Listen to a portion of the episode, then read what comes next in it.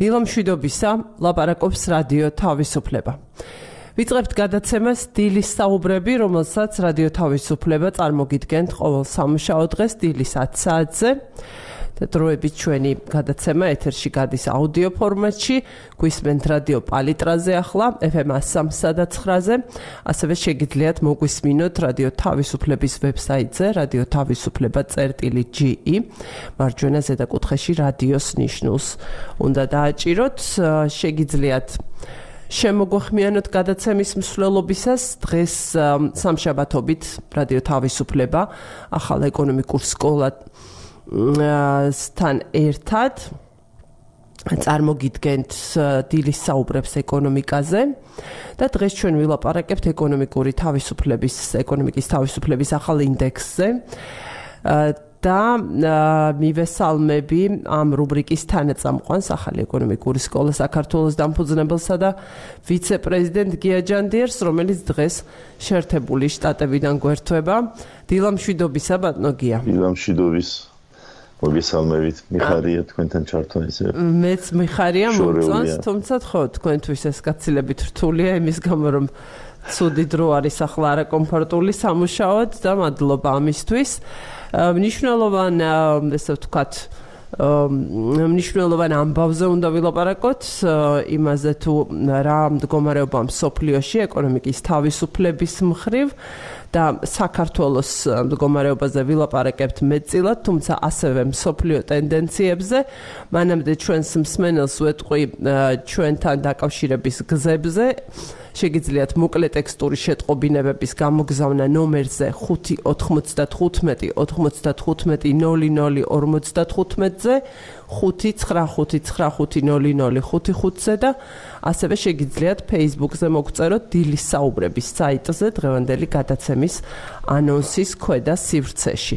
ბატონო გია, ვიდრე შევუდგებოდეთ საუბარს ეკონომიკის თავისუფლების მდგომარეობაზე, უნდა გითხრათ, რომ დღეს ყოფილა არასამთავრობო ორგანიზაციების მსოფლიო დღე და გილოცავთ ამ დღეს როგორც ერთ-ერთ წარმომადგენელს ამ ამ სფეროსი და ესე ვთქვათ ვეტერან წარმომადგენელს. უძველესა დიახ დიახ სწორედ ახალგაზრდა ეკონომისტების ეკონომიკა ყავით სხვათა შორის ახალგაზრდა იურისტთა ასოციაციისაც რომელიც მაშინ კლუბი იყო და შემდეგ გადააკეთეს სახელი და ასოციაცია და აქესტორი 88 წლის შემოდგომაზე ვიყავი ახალგაზრდა იურისტთა კლუბის დაფუძნებელიც აი, აი როგორი ძველი ამბავი. პირდაპირ მე მიხება ეგ. კი, პირდაპირ გეხებათ და გილოცავთ. დღეს დილიდანვე გამოქვეყნდა საქართველოსი ევროკავშირის ელჩის განცხადება, სწორედ ამ დღესთან დაკავშირებით. სადაც ის აცხადებს, რომ არასამთავრობო ორგანიზაციები გადამწყვეტ როლს ასრულებენ ევროკავშირის და საქართველოს საერთო ღირებულებების უზრუნველსაყოფად, როგორებიცაა დემოკრატია, თავისუფლება, კანონის უზენაესობა და ადამიანის უფლებები, მათ შორის უმცირესობათა უფლებები, როლი, რომელსაც არასამთავრობო ორგანიზაციები ასრულებენ მთავრობის მონიტორინგის კუთხით, ნებისმიერი დემოკრატიის არსებითი ელემენტია. არასამთავრობო ორგანიზაციები ხშირად არიან სასიცოცხლო მნიშვნელოვანი სოციალური სერვისების, მნიშვნელოვანი სოციალური სერვისების მიმწოდებლები, განსაკუთრებით მოწყვლადი თემებისთვის, საქართველოს სარგებელს იღებს მისი აქტიური სამოქალაქო საზოგადოებისგან. საქართველოს ევროკავშირში ინტეგრაციის პროცესში არასამთავრობო ორგანიზაციებს მნიშვნელოვანი წვლილი შეაქვთ მათი მუშაობა სასიცოცხლოდ მნიშვნელოვანი ხიდია მოქალაქეებსა და პოლიტიკურ ლიდერებს შორის ისინი აძლიერებენ ხმებს, რომლებიც სხვაგვარად შეიძლებოდა გაგონილი არ ყოფილიყო. ამ დღესთან დაკავშირებით კლავ უდასტურებს ევროკავშირის ელჩი ერთგულებას საქართველოს ასევე მხარს უჭერს არასამთავრობო ორგანიზაციების მუშაობას საქართველოსში და მის ფარგლებს გარეთ და მათი არსებითი ჩართულობის უზრუნველყოფა აცხადებს რომ გადამწყვეტია ყოველასთვის უფრო სამართლიანი თანასწორუფლებიანი და კეთილდღეობით ახსავსე მომავლის ასაშენებლად. ყველაფერს ვეთანხმები ამ ტექსტში სხვათა შორის. ერთადერთი დამატება შემიძლია გავაკეთოს რომ არასამთავრობო ორგანიზაციები არა მარტო თქვა თავრობის მონიტორინგს თავრობის სავამურთ ეს ნიშნავს თავრობის უამრავ სხვადასხვა ქვედანაყოფს არ მარტო მის მონიტორინგს ეწევიან ხალხურ ენაზე რომ თქვა აგვირდებიან მის საქმიანობას. არამედ ასევე მაგალითად ჩვენაერი ორგანიზაცია მონაწილეობენ პოლიტიკის დისკუსიებშიც და განსაზღვრაში პოლიტიკის მე ითქვას რომ საკმაოდ სერიოზული გავლენაც ჰქონდა თავის დროზე მაგრამ ასევე ასევე სხვა ტიპის ორგანიზაციები რომლებიც როგორც არის ნათქვამი ეხმარებიან ადამიანებს უბრალოდ რაღაც გამოყოფილ რესურსებს ცდილობენ რომ ადამიანების ხარდასაჭერად გამოიყენონ და ეს ხშირად არის ძალიან მნიშვნელოვანი მაგალითად ისეთი როგორც არის უფასო იურიდიული დახმარება, იმიტომ რომ იურიდიული დახმარება საკმაოდ ძვირი სიამოვნებაა და არსებობენ უამრავი ადამიანი ასევე საქართველოში, რომელსაც არ აქვს ამის შესაძლებლობა, რომ იურიდიული დახმარება მიიღოს, თუნდაც ყველაზე მარტივ საკითხებში, ამიტომ ეს მე წავიკითხე გუშინ რომ რატომ არის ჩვენი პარტნიორიო შეერთებული შტატები და უნდა ითქვას რომ შეერთებულ შტატებს ძალიან დიდი როლი აქვს ამაში ნათამაშები რომ ეს სექტორი არსებობდეს და ცოცხალი იყოს და აი ეს ყველაფერი რაც ჩამოთვლილია მაგ განცხადებაში მუშაობდეს. მე პირიქით ვიტყვი რომ სასურველი იქნებოდა რომ მეტი რესურსი არსებობდეს. იმიტომ კი არა ვინმე ვინმეს თქვათ წინამდე გოსულწევდეს ოპონირებას უწევდეს მაინდა-მაინც. არამედ ალბათ ყველა ხვდება რომ ამ ორგანიზაციების პოზიტიური როლი უზარმაზარია იმაში, რომ ახლა მაგალითად შენ სახში ზიხარ და გეზარება ყველაფერი წაიკითხო და ვიღაცა შენს ნაცვლად კითხულობს და აკრიტიკებს თუ წინადადებებს წარმოადგენს როგორ უნდა იყოს ესე თუ ის სფერო უკეთესად მოწყობილი და ორგანიზებული და ალბათ თუნდაც რო კრიტიკული მოსაზრებები ქონდეს ეს არავის არ ეკზალება რომ კრიტიკული მოსაზრებები ქონდეს ამა თუ იმ საქმიანობაზე და ყველაფერზე. ეს ყველაფერი აბსოლუტურად ჯანსაღი პროცესი არის. თვითონ კრიტიკაც აბსოლუტურად ჯანსაღი პროცესია ჯანსაღი აუცილებელი და ნაწილი ნაწილი პასუხისგებლიანი და გულშემატკივრობით სავსე დამოკიდებულებისა იმის მიმართ რაც ხდება ქვეყანაში ყველა თავრობის და პოლიტიკოსებისგან განსხვავებით უნდა ითქვას კარგი რაღაცა სამთავრობო სექტორზე რა არა სამთავრობო სექტორი ყოველთვის ღია კი არა, მოხარულიც კი არის რაღაცა, кайგონ, ისი გამოსწორება შეუძლია თვითონ ეს თანამდვილებით ვიცი. და მთავარი განმასხვავებელი არის ის, რომ პარტიები ძალაუფლებისთვის იბრძვიან, არასამთავრობო ორგანიზაციებს სხვა მიზნები აქვთ. ცხადია და მართლა ძალიან მნიშვნელოვანია როლი არასამთავრობოების უფასო იურიდიული დახმარება ახსენეთ ერთ-ერთი თქვენ აქ ალბათ უნდა ვთქვათ, რომ ლიდერი ორგანიზაცია, ლიდერ ორგანიზაცია დრჩება ახალგაზრდა იურისტთა ასოციაცია საქართველოსი და ყველა ყველა ორგანიზაციას არასამთავრობოს ულოცავთ ამ დღეს და მართლაც უნდა აღინიშნოს მათი წვლილი ქვეყნის განვითარებაში. რაც შეეხება ჩვენს დღევანდელ თემას, ეს არის ეკონომიკის თავისუფლება, ეკონომიკის თავისუფლების ინდექსი მსოფლიოში, რომელიც გამოაქვეყნა Heritage Foundation-მა უკვე 2024 წლის ინდექსია ეს და საქართველოს ამ ინდექსში სადაც შეფასებული არის ჩამონათვალში კი 184-ია, მაგრამ 176 ქვეყნის ინდექსია რეალურად გამოყვანილი, ასე ვთქვათ, 12 პარამეტრით, 4 ჯგუფად არის ეს პარამეტრები შეკრებილი და საქართველოს სოფლიო ნუსხაში უკავია 32 ევროპის ქვეყნებს შორის კი მე-19 ადგილი ეკონომიკური თავისუფლების ეკონომიკის თავისუფლების კუთხით.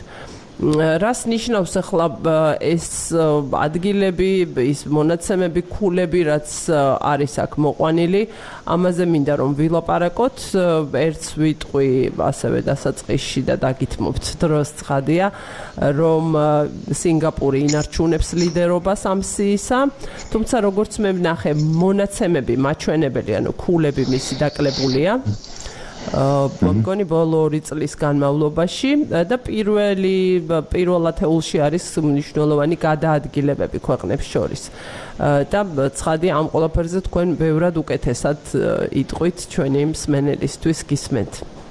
ხო, ეს ინდექსი 1995 წლიდან არსებობს. ხო, საიუბილეოა ახლა გამახსენდა ესეც 30-ე ინდექსია, დიახ.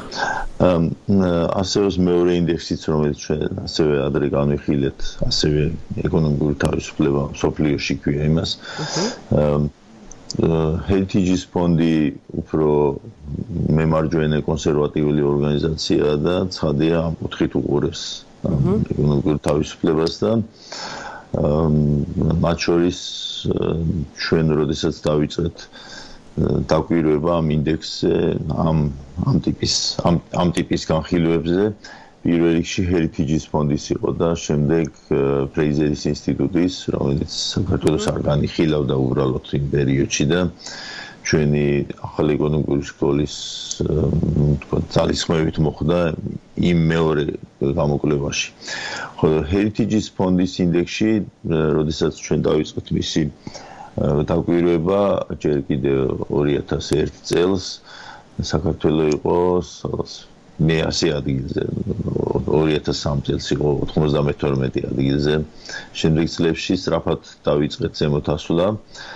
და ბევრი რაღაცა გაუნჯობესდა რა თქმა უნდა და იყო პერიოდი როცა ათეულშიც შედიოდა საქართველო.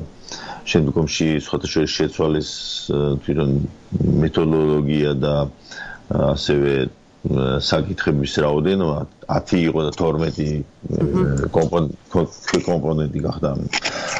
მაგრამ მე ითქვას რომ ნუ ხლა მე ყოველ შემთხვევაში მე ვთვლი რომ საკმაოდ ობიექტური თქვათ გამოკვლევა არის იმის შესახებ სხვადასხვა არავისთან კონკრეტულად არ თანამშრომლობენ ამაზე მაგალითად ფრეიზერის ინსტიტუტს აქვს ეკონომიკური თავისუფლების ქსელი რომლის წევრი ჩვენც ვართ მაგრამ heritage funds არ აქვს ესეთი კიდევ ერთი მნიშვნელოვანი საკითხია რომ როგორც წესი ეს იხილავს იმ მონაცემების მიხედვით რომელიც შესაძლებელია იმ წელს მიიღო ეს მონაცემები აგროვდა 2023 წლის მეორე ნახევარში ეხება 2023 წელს მნიშვნელოვანი ოქტომბერში არის ბოლო განახლება როგორც არის როგორც არის და მანამდე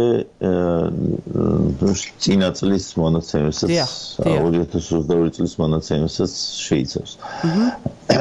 ამენად სწორია ზუსტად ამ მომენტში რამდენად ამ მომენტში ასახავს ზუსტად იმ სიტუაციას რა თქმა უნდა არ ასახავს კონკრეტულად ამ მომენტში მაგრამ მაგალითად როგორ ისეთ ფაქტორებზე როგორც არის მონეტარული თავისუფლება ის ასახავს რამდენიმე წლის თქვა სტაბილურობას მონეტარულს და მაგერა გამომდინარე შეიძლება ითქვას რომ ობიექტური არის თუნდაც დღევანდელი გადასახები და თქვა თუ შენ შაშან წინ ქონდა პრობლემები მონეტარულ სისტემაში ეს ცხადია რომ დღესაც გასათვალისწინებელია, იმიტომ რომ შეიძლება ინვესტორი იქნება თუ ბიზნესმენი თუ ჩვეულებრივი ადამიანი ფიქრობდეს რომ ორი წლის წინ ახან იყო ერთი წლის შემდეგ შეიძლება ველოდოთ კიდევ რა იგივე მოხდება.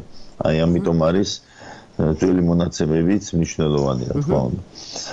ხო, აქ რა მოხდა ბოლო წლებში იყო ეგეთი ჩავარდნა, რომ თემ სოფლიოში დაიკლო ეკონომიკურმა თავისუფლება ეს პანდემიიდან გამომდინარე, ამიტომ არავის არ გაუკვირდება, რომ ზოგადი დონე დაეცა. მათ შორის კიდევ ერთი რაღაცა მოხდა, რომ ჰონკონგი გახდა ჩინეთის სახალხო რესპუბლიკის ნაწილი, ამიტომ ამ სიდან ამოვარდა, იმიტომ ჰონკონგი ბევრი წლის განმავლობაში უდაო ლიდერი იყო, ამ პირველ ნომერი იყო ყოველთვის და ახლა უკვე ჩინეთის ნაწილს წარმოადგენს, ამიტომ აღარ არის შეყვანილი ამ ამ ინდექსში. რაჩევა საქართველოს საქართველოს პოზიცია ოდნავ გაუნჯობეს და შაშანტელთან შედარებით 35 ადგილზე ვიყავით და 32-ზე ვართ. ეს ერთად გამოწეულია არა იმით რომ ჩვენ წავიწიეთ წინ, არამედ იმიტომ რომ შვები წავიდნენ უკან. ეს დაამნიშნული ფაქტორია, იმიტომ რომ რაღაც არ გვიგონოს რომ სერიოზული წინსვლა გვაქვს ამ იმიტომ რომ შეფასებაში ქულებით არის 0.3 კლება. ფულების მიხედვით ადგილით და დაწინაურებული ვართ შედარებით ხო? აი მაგალითად გერმანია ჩვენზე წინ იყო წინა წელს და ახლა ჩვენზე უკან აღმოჩნდა, იმიტომ რომ მათ უფრო მეტი კლება ქონდა, ცოტათი ძალიან, მაგრამ მეტი კლება ქონდა. ტრადიციულ წარმატებულ საკითხებად ამ თქვა მონაცემებში ვიდაბი ჩანს, რომ წვანე რაც არის ის არის პოზიტიური და წითელი რაც არის ის არის ნეგატიური. ტრადიციული პოზიტიური კომპონენტები საქართველოსში თვის სულ 12 კომპონენტია, 4 ჯგუფად დაყოფილი. არის აა საგაცახადო ტვირთი. კი ბატონო, ყველაზე კარგი მონაცემია. ხო. ასევე ფაქტიურად ვაჭრობა, საერთაშორისო ვაჭრობა, ვაჭრობის თავისუფლება და ჩვენ გვაქვს კიდე დადებითი მონაცემები საინვესტიციო თავისუფლებაში და ფინანსურ თავისუფლებაში. ეს ყველაფერი რა თქმა უნდა შედარებითია და როდესაც ამაზე ვამბობთ, უნდა წარმოვიდგინოთ რომ მართლა გვაქვს რაღაც ნაბიჯები ამის ამ მიმართულებით გადადგმული პოზიტიური და ასევე ის რომ სხვა ქვეყნებში არსებობს კონკრეტული საკითხები და პრობლემები. მაგალითად საინვესტიციო თავისუფლებაზე როცა ვამბობთ, ერთ-ერთი თქვათ ნაბიჯი რომელიც ჩვენ ამ საინვესტიციო თავისუფლების საწინააღმდეგოდ გადავდგით იყო როდესაც აუგზავნეთ საქართველოსი უცხოელების მიერ მიწის შესყიდვა. ეს რა თქმა უნდა საინვესტიციო თავისუფლებას არ ეხმარება. ეს ფოტოშოპში შეიძლება ვინმე გაიგოს იმათ რომ ახლა შევინარჩუნეთ მიწები, მაგრამ სინამდვილეში შეინარჩუნა მთავრობამ და მიმოქცევაში ეს მიწები ისევ არ მოხვდა და ეკონომიკურ თქვათ დოლარს არ ქმნის ეს მიწა, რაც ჩუდია. რაც მეტი მიწა აღმოჩნდება კერძო საკუთრებაში, მით უფრო უნდა ველოდოთ რომ სერიოზული დოლარი წარმოიშობა იმ მიწიდან გამომდინარე. მაგრამ რაც თავია აქ ცხადია რომ ეს ასეთი ნაბიჯები ინვესტორებს დამატებით სიგნალს უგზავნის ეს ღირს თუ არა ჩვენ არ ქვეყანაში ინვესტიციის ჩადება. ახლა 32 ადგილი უნდა ითქვას რომ არც თუ ისე ცუდი ადგილია ამ სიაში. დიახ. მაგრამ ეს ჯამურად თუ დავინახეთ სხვა ფაქტორებთან ერთად, მაშინ აღმოაჩენთ რომ რა თქმა უნდა ჯობდა რომ მე-12 ყოფილიყო და არა 32 და სულ უკეთესი თუ პირველ ხუთეულში აღმოჩნდებოდით და ამითი გაობათილებდით სხვა რისკ ფაქტორებს რომელიც საქართველოსში არსებობს. ჩვენ გადაცემებში ხშირად ვახსენებ ხოლმე ასეთ ფორმულას რომ თუ ჩვენ გვინდა წარმატებას მივახციოთ უნდა შევეცადოთ რომ უპირატესობები გავზარდოთ და აა შევონციროთ პრობლემები, რომ რომლის შემცირება შესაძლებელია. იმიტომ რომ არსებობს პრობლემები, რომელსაც ჩვენ შევონცირებთ, მაგალითად ჩვენს რთულ სამეზობლოს. ამას ნუ ჩვენ ვერ მოვერევით ჩვენი ძალებით, რა თქმა უნდა. ამიტომ ჩვენზე დამოკიდებული რაც არის, იმაზე უნდა ვიზრუნოთ პირველ რიგში. ხო, ამ ჩვენზე დამოკიდებულ საკითხებში ცხადია, რომ პირველ რიგში მივადგებით საკუთრების დაცულობას და აუცილებლად მაგაზეც გადავიდეთ ბატონოგია. კი, კი, სწორედაც რისგან შედი, რისგან იქმნება ეს ინდექსი, ასე ციდან არ ვარდება ცხადია, რას ეფუძნება ეს შეფასება და ქულები. უბრალოდ პირველ ათეულს წავიკითხავ, სრულად თავისუფლად სახელდება 4 4 ქვეყნის ეკონომიკა რიგითობით, ანუ სინგაპური, შვეიცარია, ირლანდია, ტაივანი. და ეს ლიდერი ქვეყნები 4 ივლისნაც სულად სრულად მწვანე, ასე ვთქვათ, მუქი მწვანეები იყვნენ შვიდნი, როგორც ვიცი. და პირველ ათეულს რაც შეეხება, გავაგრძელებს. შემდეგ მოდის ლუქსემბურგი, ახალი ზელანდია, დანია, ესტონეთი, შვედეთი, ნორვეგია, ნიდერლანდი, ფინეთი, აა მე მგონი გავწდი მე ხო, ნორვეგიის ჩათვლით არის 10. ფინეთს მოსდევს ავსტრია და ასე შემდეგ. რა თქმა უნდა, ჯობდა ათეულში ყოფნა. ახლა რაც შეეხება იმ შემადგენელს ამ ინდექსისა, თქვენ ბრძანეთ, რომ ესე ვთქვათ, მეტწილად თავისუფლად, ანუ მწვანე გვაქვს საგადასახადო ტვირთი, ვაჭრობის თავისუფლება, საინვესტიციო თავისუფლება და ფინანსური თავისუფლება. ესეც მინდა რომ განმარტოთ ბატონო გია, ვიდრე გადახვალთ პრობლემებზე.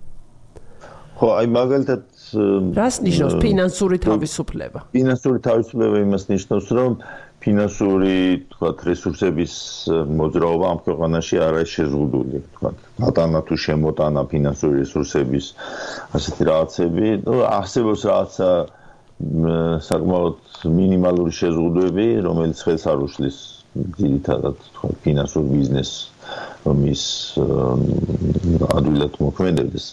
რაც შეეხება, თქვათ, საინვესტიციო თავისუფლებას მე ვთქვი მაგალითად ერთ-ერთი ფაქტორი, მაგრამ სხვა ქვეყნებს რომ შევადაროთ, შეიძლება იყოს მაგალითად ქვეყნები, რომელშიც თქვათ აგრძალულია ინვესტიციების შემოტანა რაღაც გარკვეული მხარეებიდან და ასევე გატანა არის აკრძალული რაც ყველაზე მთავარია ქვეყნიდან რაც რა თქმა უნდა ფინანსურ თავისუფლებას და საინვესტიციო თავისუფლებას ამცირებს. აი მასე არის საუბარი. აჰა. ნუ საქართველოს სადღაც 2000-იან წლებიდან აქვს უფრო გამარტივებული თუმცა როდესაც საქმე საქმეზე მიდგება, მე როგორც თქვი, ეს ფაქტორები არ გშველის, მხოლოდ ეს ფაქტორები არ გიშველის. არსებობს სხვა გამოკვლევებიც, მაგალითად ესეთი არის გლობალური კონკურენტუნარიანობის გამოკვლევა, რომელსაც სოფლის ეკონომიკური ფორუმი აკეთებს, მაგრამ პანდემიიდან დაწყებული აღარ გაუკეთებიათ. და იმ გამოკვლევაში მაგალითად ნაჩვენებია, რომ ჩინეთი, ინდოეთი და რუსეთი ჩვენზე საკმაოდ მაღლა იყვნენ. ბოლო ინდექსის მიხედვით ასე იყო. მაგრამ რა განაპირობებდა მათ ჩვენზე მაღლა ყოფნას არაფერი გარდა იმისა, რომ ისინი უფრო მასშტაბური ქვეყნები. ამიტომ შენ თუნდა დაინახო ხოლმე შენ პატარა ქვეყანა ხარ და დიდ ქვეყნებთან შედარებით, როდესაც ითვლიანი გრის თუ არა ინვესტიცია ჩადონ, ეს ნიშნავს, რომ შეხედონ რა გარემოებები არის შენთან, რამდენად ადვილია შენთან ბიზნესის კეთება, საინვესტიციო თავისუფლება როგორი გაქვს მაგალითად და თუნდაც საგად სახადო თავისუფლება.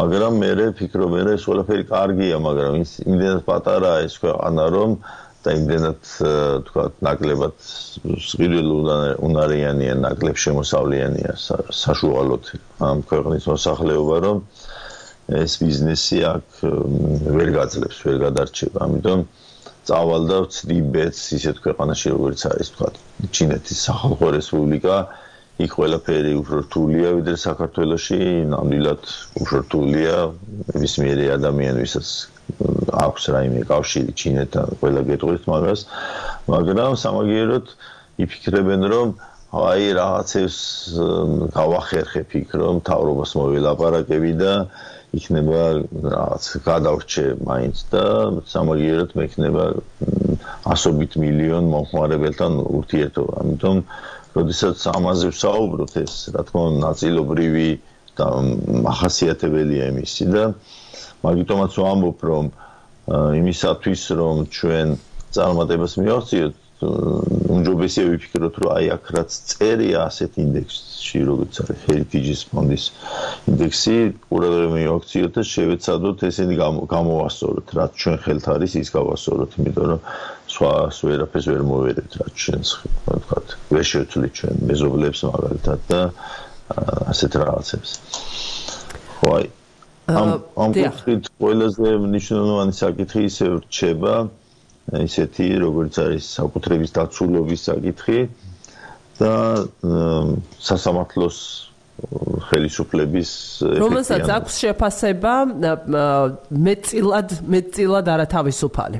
ანუ სასამართლოს ეფექტიანობას და მაგრამ ყველაზე წითელი არ არის მაგრამ ხო თლაც წითელი ეს არის ფისკალური სიჯანსაღე რაც ასე გან თუმცა ეს ეხება 2022 წელს იმიტომ რომ 2023 წელს ფისკალურ სიჯანსაღეზე ახალს ვერაფერს ერიტყოდნენ წლის ბოლომდე თუ არ გამოქვეყნდება მონაცემები და 2022 წელს სახელმწიფო ვალი აღემატებოდა 60% საქართველოს კლიენტში პროდუქტის და ამიტომ აქ არის ასეთი დაბალი მონაცემები. მოსალოდნელია რომ მომავალ წელს ეს შემცირდეს, თუმცა უნდა დაველოდოთ მოვლენებს, იმიტომ რომ მე პირადად ვთვლი რომ ბევრი მონაცემის თქვა კორექტირება არის საჭირო იგივე მშუბს და სხვა ჯერ კიდევ გასარკვევი არის გაშედგებოდეს მშუბ ხო ნუ ეს ეს ნაწილი სხვათა შორის არაზრუს არისო ჩვენი სუსტი ნაწილი. ჩვენზე უკეთესი ქვეყნები არსებობენ რომელსაც ფუძლიერი აქვს სახელმწიფო ვალის საკითხი და დეფიციტის საკითხი მაგალითად ესტონეთი ბულგარეთი რომელსაც სხვა ტიპის მონეტარული პოლიტიკა ჰქონდათ და ამით გააჩანს თავიანთი ფისკალური სისტემაც. მაგრამ საქართველოს რა თქმა უნდა ჯერ კიდევ ბევრი აქვს სამუშაო რაც იგივე მონეტარული პოლიტიკის გაჯანსაღებისკენ ეს ისეთი რთული ამოცანაა რომ პირადად ესტონურ გზას გავყვებოდი ამ ამის არ ერთხელ ვისაუბრი. რას ნიშნავს რომ ესტონურ გზას გავყვე ის რომ მონეტარული პოლიტიკა არ იყოს სუბიექტური და ის გავიტანოთ საქართველოს პოლიტიკის გარეთ. ამ შემთხვევაში თუ პოლიტიკის გარეთ გაიტან, თავრობას აღარ იქნება შესაძლებლობა რომ გავლენა მოახდინოს ნებისმიერი თუნდაც ყველა საუკეთესო მიზეზებით მონეტარულ პოლიტიკაზე და შესაბამისად მიიღოთ ფისკალური სისტემაც უფრო არი, იმიტომ რომ ისინი ვერ შეძლებენ ფულის მოზიდვას ეროვნული ბანკის პირდაპირ პირდაპირ თუ არ არაპირდაპირ თქვა დაფინანსების პირობებში. ახლა ეს აღებულია იქიდან ყველა მიხვდება ალბათ რომ 2022 წელს მაღალი კონა ინფლაცია კონა ფასების ინდექსი 15%-ამდე გაიზარდა ფაქტიურად. და ცხადია რომ ეს ყველა შენიშნა ეს ეს ინდექსიც როგორც სხვა ინდექსები არის ნეიტრალური წყაროებიდან აღებული ინფორმაცია და ნეი აბსოლუტურად ნეიტრალური მეთოდოლოგია როდესაც ამ მონაცემს ჩახრიან ერთ მონაცემთა ბაზაში. მე იქ არავის არ აინტერესებს რა ქვია სახელი რა ქვია იმ ქვეყანას რომელსაც აქვს ასეთი დაბალი თუ მაღალი მონაცემი. ამიტომ ცხადია რომ საკმაოდ მაღალი სანდოობით საკმაოდ მაღალი სანდოობით გამოირჩევა ეს ეს ეს ინდექსი. უფრო საინტერესოა რომ ბოლო 15 წელიწადში მიხედავთ ბევრი კრიტიკისა ამ თქვა წინამთავრობისა მაგალითად რომ მას არ ქონდა კარგი პოლიტიკა საკუთრების დაცულობის თვალსაზრისით ამ მიმართულებით ძალიან წინ ვერ ვერ წავედით. ანუ ის კრიტიკა სამართლიანი იყო უბრალოდ წინ ვერ წავედით ამას გულისხმობ ხო ბევრი არაფერი შეიცვალა ამ მიმართულებით ჩვენ ვიცით ერთი რაღაცა რომ სასამართლოები ისე ნელა იღებენ გადაწყვეტილებას აქ ეფექტიანობაზე არის გასმული ხაზი მაგალითად სასამართლოს ხელისუფლების. ნელა იღებენ გადაწყვეტილებას რომელიც ელემენტარულ ეკონომიკას ვილი უჯდება და ხშირად არის ასეთი მოთხოვნა და წამოყენებული ბიზნესისგან რომ რაღაცა უფრო დაჩქარება ამ პროცესების აუცილებელია. ასევე სხვა ალტერნატივებიც მაგრამ ჯერჯერობით ამ ალტერნატივებს არავინ იხილავს, ამიტომ ჩვენ არ ვიცით, რამდენად სწრაფად შეიძლება ასეთი რაღაცების ეფექტიანად შეცვლა და უფრო მაღალი შედეგების მიღება. ну აი მეორე სწორი ადვილი წარმოსადგენია რას ნიშნავს ეს რომ როდესაც თუნდაც ჩვენ ვაკრიტიკებთ ისეთ ქვეყანებს, როგორც არის ჩინეთის სახალხო რესპუბლიკა. ადროგია, ვიდრე ჩინეთზე და რუსეთზე გადავალთ, რეკლამა უნდა გამოვაცხადოთ რადიო პალიტრის ეთერში რეკლამის დროა, რამდენიმე წუთში დაუბრუნდებით რადიოს მსმენელს და უწყვეტად ვაგრძელებთ საუბარს ინტერნეტში რადიო თავისუფლება წერტილი GE-ზე. დიახ, ბოდიში გაგაწყვეტინეთ და გიშ. ხო, იმას ვამოდი, როდესაც ამ ასეთ ქვეყნებს, როგორც ჩინეთის სახალხო რესპუბლიკა ან რუსეთია ცდილობთ გავაანალიზოთ იქ სიტუაცია და ღირს თუ არა მათთან უფრო ღია თანამშრომლობა ჩვენ ყოველთვის იმას ვფიქრობთ რომ მოდი შევხედოთ ასეთ ინდექსებს და სხვადასხვა წყაროებს, სხვადასხვა გამოკვლევებს როგორ აფასებენ ისინი ასეთ ჩინეთის თუ რუსეთის თუ სხვა ქვეყნების თქვათ გარემოს, გარემოს მათ ქვეყნებში და დავინ ყოველთვის ხედავთ რომ იქ საკმაოდ რთული სიტუაციაა. აჰა. ესეთი შეიძლება დავინახო ახლა ჩვენ ჩვენ თავს უნდა შევხედოთ. სხვა რომ როდესაც ვიღაცას ჩვენთან საქმის დაჭერა უნდა ისინი რას აღმოაჩენენ ჩვენ ქვეყანაში? ამ მიმართულებით ბეს ბეს ვერაფერს ბეს ვერაფერს ვერ მიიღწევთ ამ მიმართულებით იმიტომ რომ ყოველ შემთხვევაში თუნდაც რომ ჩვენ გვეჩვენებოდეს რომ ყველა საუკეთესო სიტუაცია გვაქვს ну თქვა ესეთი ინდექსები აჩვენებს რომ ჯერ კიდევ არსებობს რაღაც პრობლემები და თუ ჩვენ არ წავალთ იმ გზით რომ პრობლემები აღოფრა დავიწყოთ მაშინ ჩვენ ჩავრჩებით ასეთივე მდგომარეობაში რომ არ გვენდობიან ბოლომდე. ეს როდესაც ამას ხედავ ხო აქ მნიშვნელოვანია რა რომ საბოლოო წერტილში ყველაფერი საუკეთესო მონაცემი კონდეს საბოლოო წერტილში თუ ჩვენ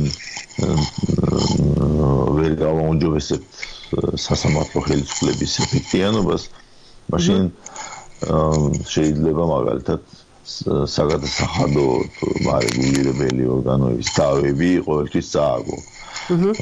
რაც არ უნდა მართალი იყო, ამიტომ რა თქმა უნდა ხო აი თქვა ჩვენ თავი დავაყენოთ უცხოელის ადგილას ისინი ფიქრობენ ეს ძალიან რისკიანი ადგილია ოკუპირებული ტერიტორიებით და მართალია ბევრი რაღაცა დადებითი აქვს მაგრამ აი ნახე როგორც წესი როგორც წესი შიშის თვალით უყურებთ ხალე აი ნახეთ სასამართლოში როგორ ჯანჯლდება საქმეები და მაგალითად იგივე ჩვენ დამოკიდებულება უცხოელების მიმართ სადაც ჩვენ ის შესყიდვა აუგზალეთ ესეც ფიქრობს რომ აა ესენი რაღაცა უფრო ქართული ინტერესებს იცავენ სხვადასხვა გზებით ამიტომ კაცმა არ იცის ჩემი საქმე როგორ დატრიალდება და კაცმა არ იცის კიდე რა შეიძლება მიიღონ ასეთ ქვეყანაში რომელსაც უკვე ასეთი ნაბიჯი გადადგა. ამიტომ არის ასეთი ნაბიჯები, ეხლა ეს ამან შეიძლება დისკუსიაში თავიდან გამოიწვიოს, რომ როგორ აბა ჩვენი მიწები უცხოელებს ვიცეთ თუ არა და ასე შემდეგ, მაგრამ მიუხედავად ამისა, ეხლა ჩემი ვალია რომ ასეთ რაღაცებზე თქვა, რომ ასეთი ნაბიჯები ეკონომიკურ წარმატებას ხეს არ უძღვებენ. მაგალითად იგივე მიწა თუ შეგინდა რომ ნორმალური ფასი იყოს, რაც მიწას ეკადრება, მაშინ უნდა დაუშვა რომ კიდველი ყავდეს ამ მიწას და აფასებდეს კიდველი და ამის შედეგად რა თქმა უნდა მიწის ფასი მეરે მატულობს და მიდის გლობალური გლობალური ფასების მიმართულებით. და ის ადამიანი ვინც ახლა მიწა აქვს და ღიდვა უნდა შეიძლება ზარალობს იმის გამო რომ დღეს არ შეუძლია გაყიდოს უცხოელზე და ვერ ვერ მიიღებს. მეორე მხარე არის რომ საქართველოს მოქალაქეები, რომლებიც ნორმალურ ქვეყნებში გააღწიეს და იქ ცხოვრობენ, და მათაც რო უთხრა რომ აი შენ საქართველოს მოქალაქე ხარ და გეკრძალება აქ მიზის ხიდვა, ალბათ ჩვენ ვიტყვით რომ აკო აკეთებენ ამას ქართველების მიმართ. ახლა შენ შენ თავში უნდა ჩაიხედე რა შენ რატო უკეთებს ეს?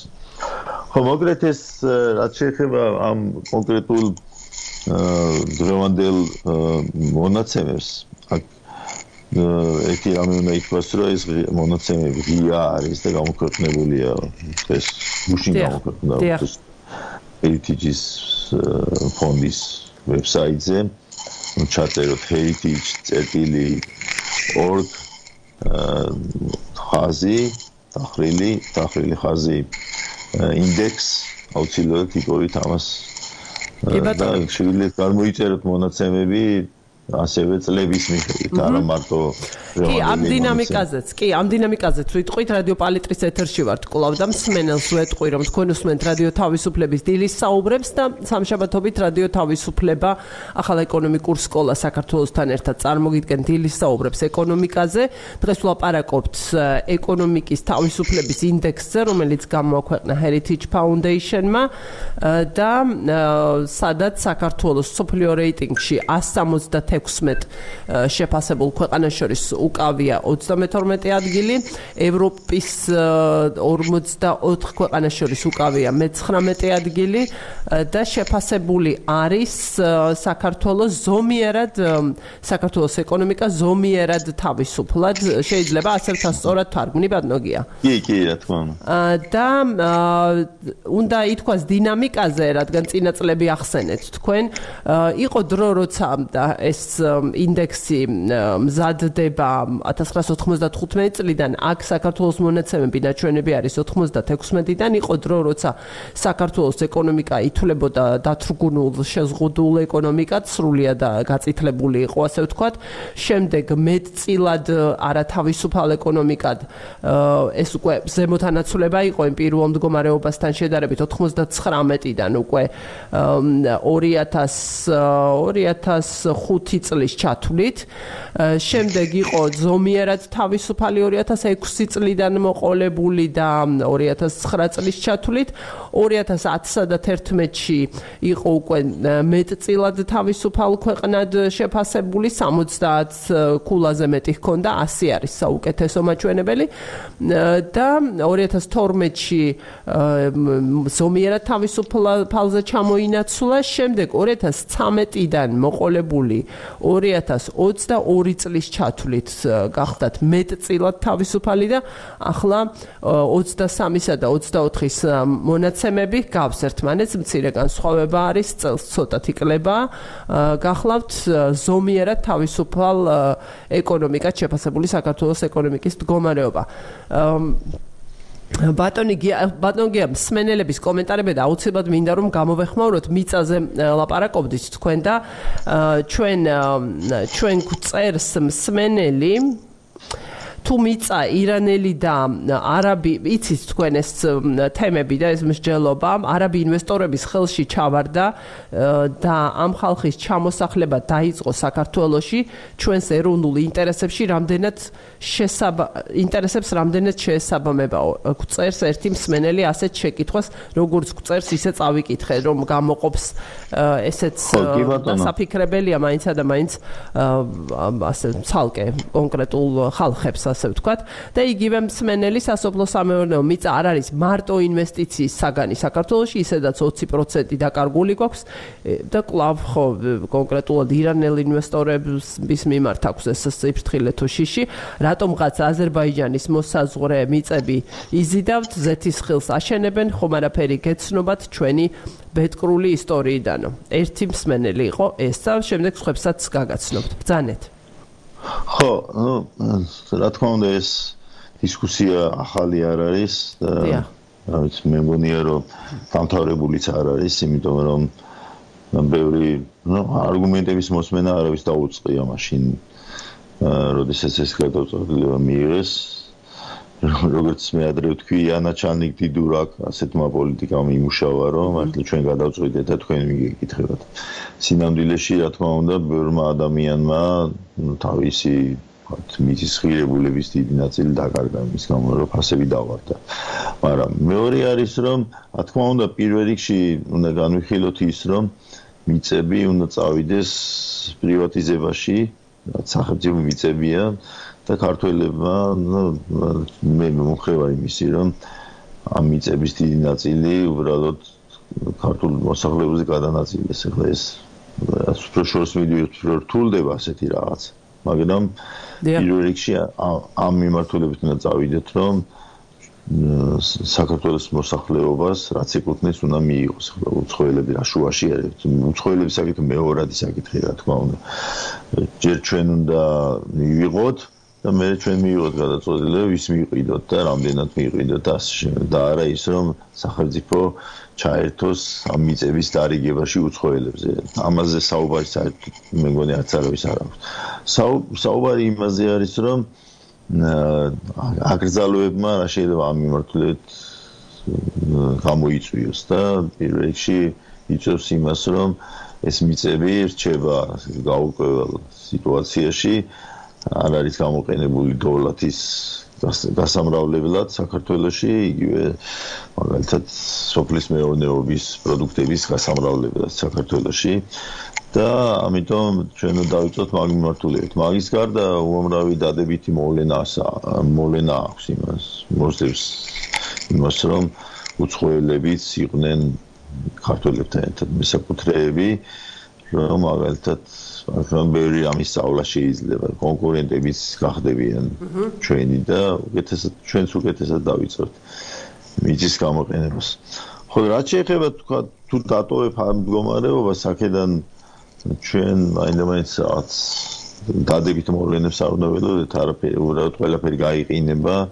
არც მე არც შენ არც არავის ესეთ იმაში. და ცხადია რომ უამრავი კორუფციული გარიგების ნაწილი შეიძლება გახდეს ეს მიწები და არსებობს ესეთი მოსაზრებაც რომ ამ გზით, როდესაც მიწა აგრძალის უცხოელებზე გასხვისებული იყო, ამითი თვითონ ის არიგოდეს ვთქვათ, თავრობის გარკვეულმა წევრებმა, რომ თვითონ განაგებ მე ამ მიწებს და მათ შორის უფრო იაფათაც განაგებენ კი ბატონო. ამბიციებს. ხლა ამის გადამოწმება და ეს ძნელია, მაგრამ ყოველ შემთხვევაში მე მგონია რომ ეკონომიკური თვალსაზრისით არასწორი გადაწყვეტილება შეიძლება ინმეს რაღაცა სხვა მოსაზრებები აქვს. პატივსაცემი მოსაზრებები მათ შორისაც. მაგრამ ჩვენ და ეხმძანელოთ ჩვენი ქვეყნის სიკეთიდან გამომდინარე, რაც ჩვენ ქვეყანას გამოადგება და მე მგონია რომ უფრო უფრო ის გამოადგება რომ უფრო ის გამოადგება რომ ამ ქვეყანაში ეს მიწა დოლათის შესაქმნელად იქნას გამოყენებული უფრო აქტიურად და უფრო მეტი სარგებელი მოგიტანოს ჩვენ. ეს ის სხვა არის რაღაცა ჩვენ ვცდილობთ რომ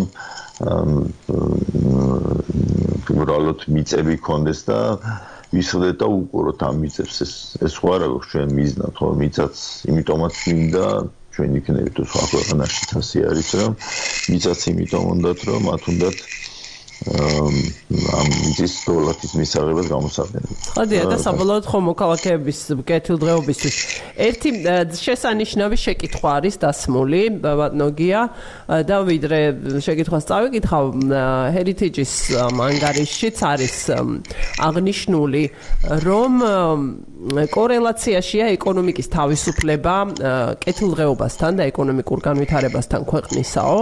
და შეკითხვა კი ასეა დასმული და დიდი მადლობა მსმენელს ამისთვის გამარჯობა არსებობს არსებობს ავტოკრატიული ქვეყანა რომ ეკონომიკურად განვითარებული იყოსო გეკითხებათ.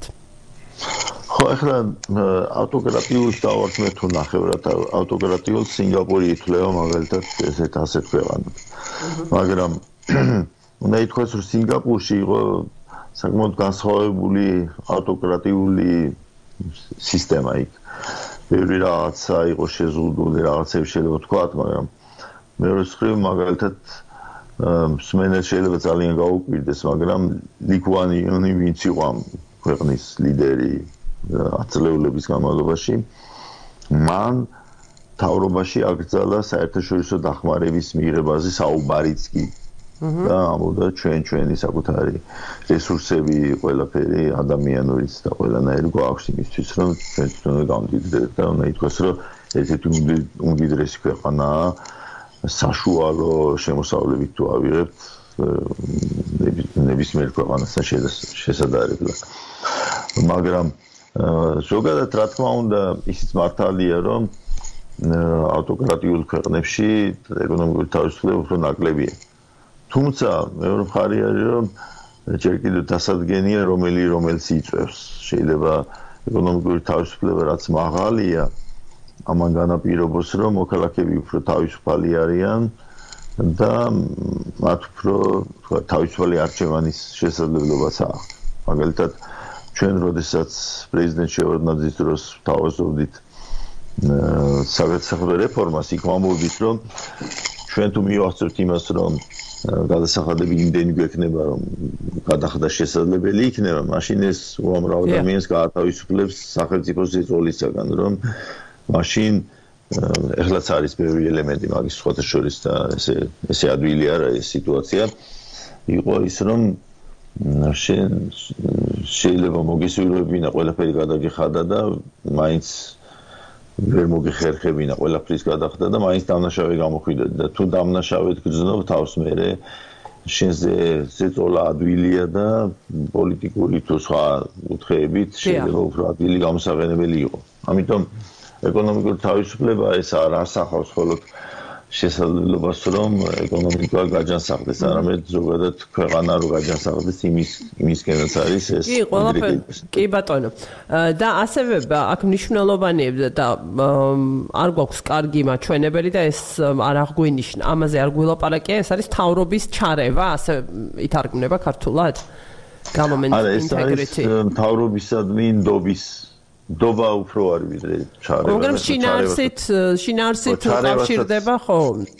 ისა ჩარევა. ამდენად ერევა მთავრობა ეკონომიკურ ამ ესე ვთქვათ ურთიერთობებში, ხო? ეს ეს ეს ფაქტორია რომელშიც ჩვენ შეგვიძლია რომ უკეთესიც ვიყოთ, მაგრამ რატომღაც ჯერჯერობით ამ მიმართულებით არ მიდიოთ.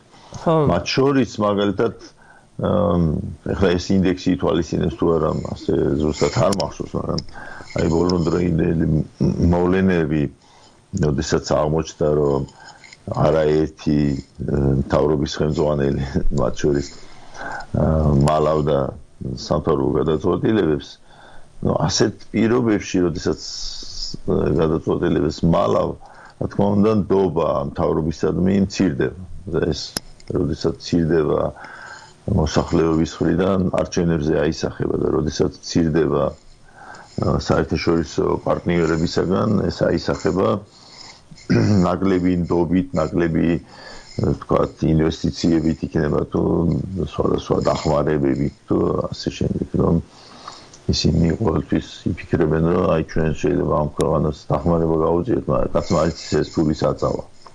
მე სად ვარ კვიოთ რომელ თავრობის რომელ ადმინისტრაციაში ვეძებოთ ეხლა რომელიც არ გამოქვეყნდა.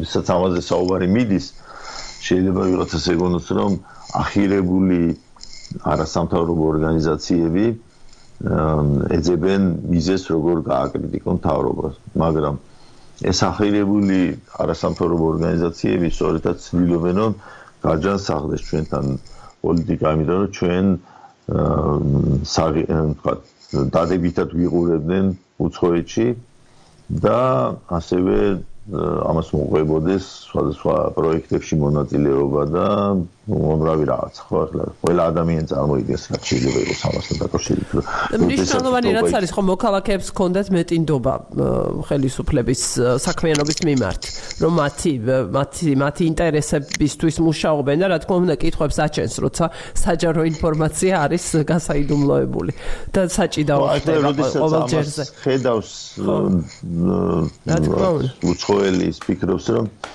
ეს თავის მოქალაქეებს როგორ იქცევა და მე როგორ მომიქცევ. ხო, მათ მიმართ არ თulis თავს ანგარიშვალდებულად ამომრჩევლების და ხა მით უმეტეს. არის კიდევ მსმენელებს გეტყვით რომ დარჩა ჩვენი საუბრის დასრულებამდე დაახლოებით 5-6 წუთი. შეგიძლიათ კიდევ შემოხმიანება 5-95-95-00-55-ზე მოკლე ტექსტური შეტყობინებით და ერთი ასეთი კომენტარი შეკითხვა ჩინეთის ეროვნული ეკონომიკა 18 ტრილიონია მაგათზე მეტი ავტორიტარული ქვეყანა რომელია ნეტავო. აა ანუ ესეთი რიტორიკულია მისი მსმენელის მით როგორც მე ვხო.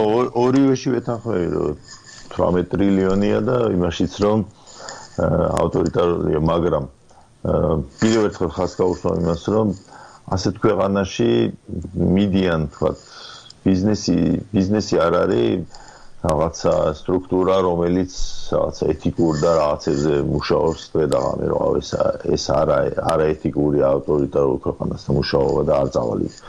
ანამედ ის ფიქრობს, რომ საათავს მეტი პოტენციური მ კლიენტი ხო?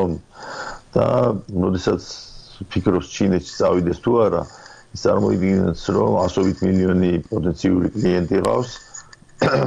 რა თქმა უნდა, იქ ქართულებულია საკითხების გადაწყვეტა, მაგრამ რაც ფიქრობს რომ აქედან შეიძლება იმდენი ფული შემოვიდეს, რომ მომიხმარება ყველანაირი საკითხების გადაჭრაში, ასე ვთქვათ. როდესაც შენ პატარა ქვეყანა ხარ და ავტორიტარული ხარ, ის ფიქრობს რომ აქ რა ფული უნდა ვიშორო, რომ იქიდან თანაც პრობლემების გადაჭრას მოახერხო.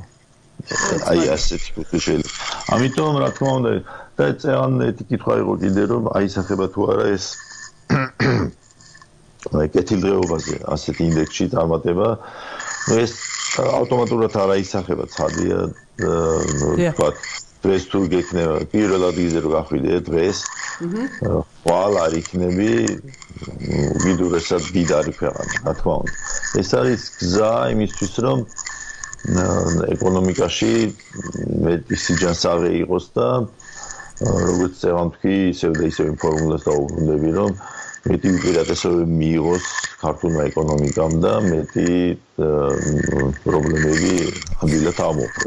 ამის გარდა ბევრი საკითხები არის, რომელიც ამ ინდექსში არ არის განხილული ზოგადად და მაგალითად გამახსენ გლობალური კონკურენტუნარიანობის ინდექსი, სადაც გამოკითხვა მაშინდელი ბოლო ინდექსის მიხედვით აჩვენებდა, რომ საქართველოში კვალიფიცირებული მუშახელის პრობლემა, ყველაზე პირველი პრობლემა ბიზნესისთვის არის კვალიფიცირებული მუშახელის არსებობა. იმიტომ რომ როდესაც შეხედავ გადასახადების დონე არ არის ჩვენთან ისეთი მაღალი რომ მაგაზე თქვა რამე, მაგრამ ასევე მუშახელის უდისციპლინობა, ასე თქვა და ასე რომ დავარქვათ, რომ მე მილად შევხედრი ვარ ბოლო ხანებშიც დისკუსიებს, აი რატომ მოხვედი გვიან და შენს გამო აი საქმე გაფუჭდა რაღაცა ეს ადამიანს ჩოლო მოლენოთ მიაჩნიეთ რომ სამსახურში არ მიილენ და და რა მოხდება სამსახურში რომ არ მიხვალ შენი საქმე არ გაგეთდება შენი კომპანია თუ არ დაზესებულება